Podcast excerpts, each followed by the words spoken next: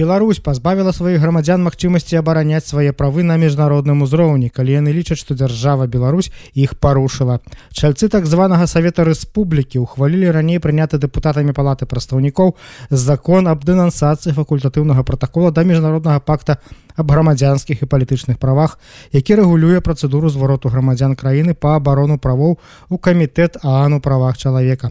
Гэта была адзіная міжнародная інстанцыя, куды маглі звярнуцца грамадзяне Беларусі.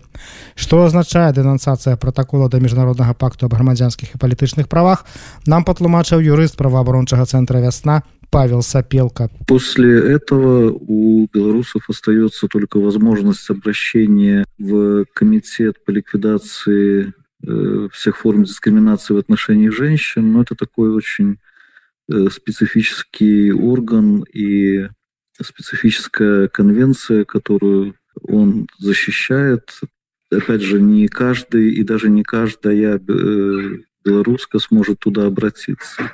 Как, наверное, вы знаете, у нас не было возможности до сих пор обращения в ЕСПЧ, Европейский суд по правам человека. Так что, по сути, та норма, которая есть вот еще даже в этой нашей выхолощенной и э, вымученной конституции, э, которая позволяет белорусам в случае, если их права не защищены в Беларуси, обращаться в международные органы, она остается совершенно пустой не подкрепленные никакими механизмами. Вообще в истории этого протокола были э, государства, которые выходили.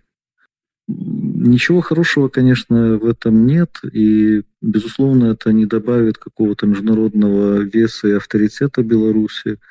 Ее, я имею в виду Беларуси, государство, его, э, его позиция относительно того, что якобы Комитет по правам человека возложил на себя те функции, которые не предусмотрены договором и как, как бы превышает свои полномочия. Это такой не, не очень убедительный довод.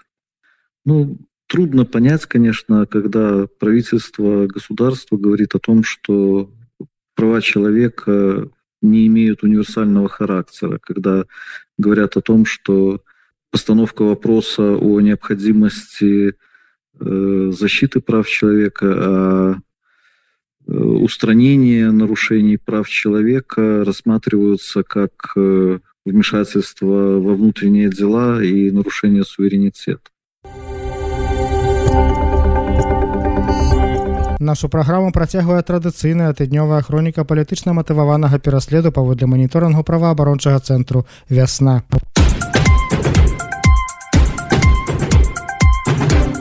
Пачаўся мінулы тыдзень з чарговага прысуду так званай справе зельцара.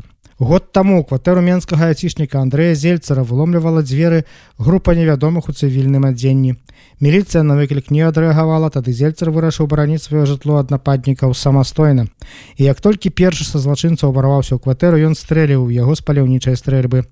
Іншыя нападнікі забілі зельцара і схапілі ягоную жонку, але аказалася, што гэта былі агенты лукашэнкавага КГБ той паранены прыспешнік лукашэнкі з мянушкай нірвана Дмітрий федасюк потым памёр у шпіталі. Але многія беларусы ў каментарах аб сітуацыі падтрымлівалі не дзеянні кгб а менавіта Андрэя зельцара які бараніў сваю кватэру.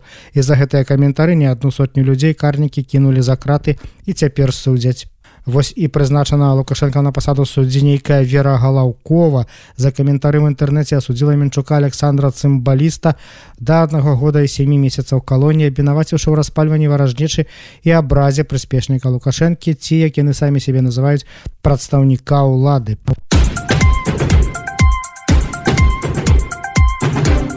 паводле абвінавачванняў так званых злачынствах прадугледжаных такімі ж артыкуламі за выказванні ў інтэрнэт-каментарах якія асуджалі дзеянні кгбшнікаў якія без апазнавальных знакаў у цывільным адзенні ўварваліся ў кватэру Андрэя зельцара у берасці прызначана лукашенко на пасаду суддзі Дмітрый куроўскі асудзіў на два з паловай гады калоніі палітвязня Евгена тазава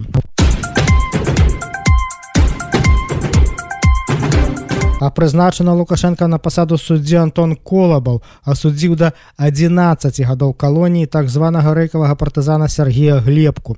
Яго разам з жонкай затрымалі ўночы з першага на другое сакавіка гэтага года.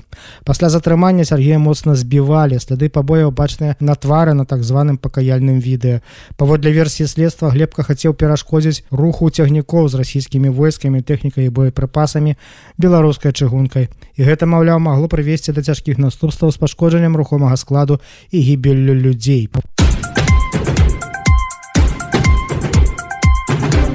Чарговае парушэнне свабоды выказвання меркавання арганізаваў вядомы сваімі палітычна матываванымі прысудамі прызначана лукашенко на пасаду суддзі Дмітрый бубенчык.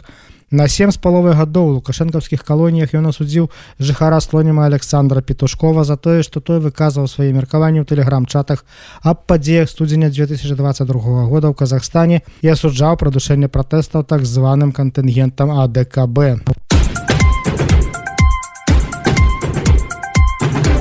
экстрэміскім фармаваннем прызнаная экалагічная арганізацыя экадом у канцы жніўня 2021 года ўлады пазбавілі экадом рэгістрацыі. Пасля гэтага кіраўнічыя органы орхускай канвенцыі пазбавілі Беларусь правовую прывілею паводле канвенцыі а Беларусь у выніку выйшла з яе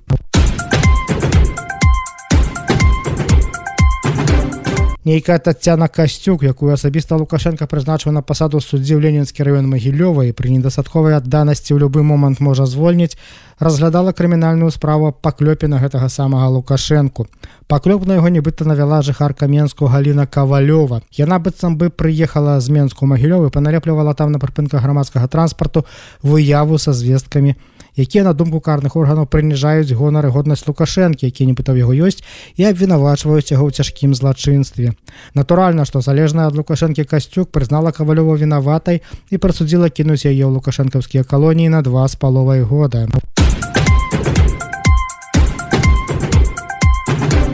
так званы следчы камітэт распачаў адмысловую вытворчасць у дачыненні да чальцоў каардынацыйнай рады. Вядома напрыклад што ольгу кавалькову абвінавачваюць аж паводле 5 артыкулаў лукашэнкавага крымінальнага кодекса змова з мэтай захопу ўлада неканстытуцыйным шляхам заклікі да санкцый іншых дзеянняў накіраваных на прычыненне шкоды нацыянальнай бяспецы Рэспублікі Беларусь стварэнне экстрэміскага фармавання распальванне варожасці і перашкода ажыццяўленню выбарчых правоў права на ўдзел у рэферэндуме. А святлане ціхановскай крым інкрымінуюць ажно 10 артыкулаў акрамя тых што і водзе кавалькова яшчэ падрыхтоўка да захопу ўтрымання будынкаў і збудаванняў падрыхтоўка да ўдзелу ў масавых беспарадках здрада дзяржаве арганізацыя кіраўніцтва самавольнага прысваення звання і ўлады службовай асобы іншая падрыхтоўка асоб да ўдзелу групавых дзеяннях якія груба парушаюць грамадскі парадак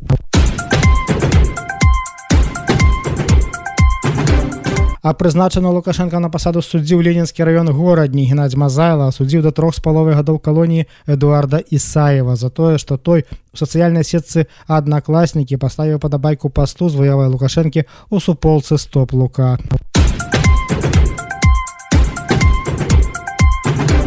новую крымінальную справу распачалі супраць вайсковага аглядальніка ягора лебятка яму віну ставіць яшчэ одно інтэрв'ю сМ якое лукашэнкаўскі рэжым прызнаў экстрэміскім такім чынам адбываецца наўпроставае грубае парушэнне прадугледжанага усеагульная дэкларацыя правоў чалавека і міжнародным пактам аб грамадзянскіх і палітычных правах правоў на выказванне меркавання і распаўсюд інфармацыі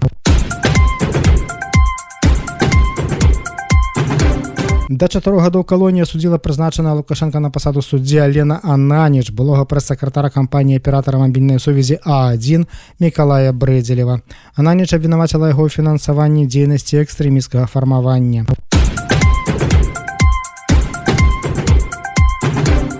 Гомельскага валанцёра люміронова які збіраў перадачы для палітвязняў гомельская сеза і напісаў некалькі соцень лістоў палітвязням асудзілі на паўтара года калоніі за нібыта дыскрэдытацыю Рэспублікі Беларусь хаця пачыналі яго судзіць паводле артыкула аб распальванні варажнечы.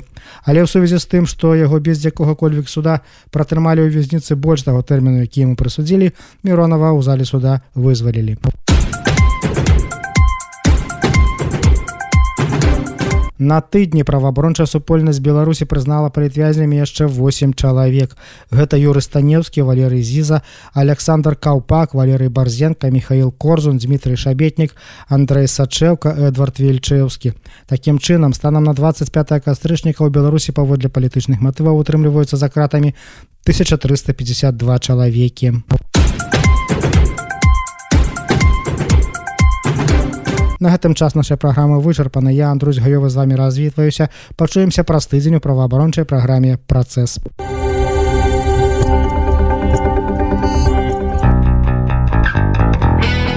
жыве беларус уначы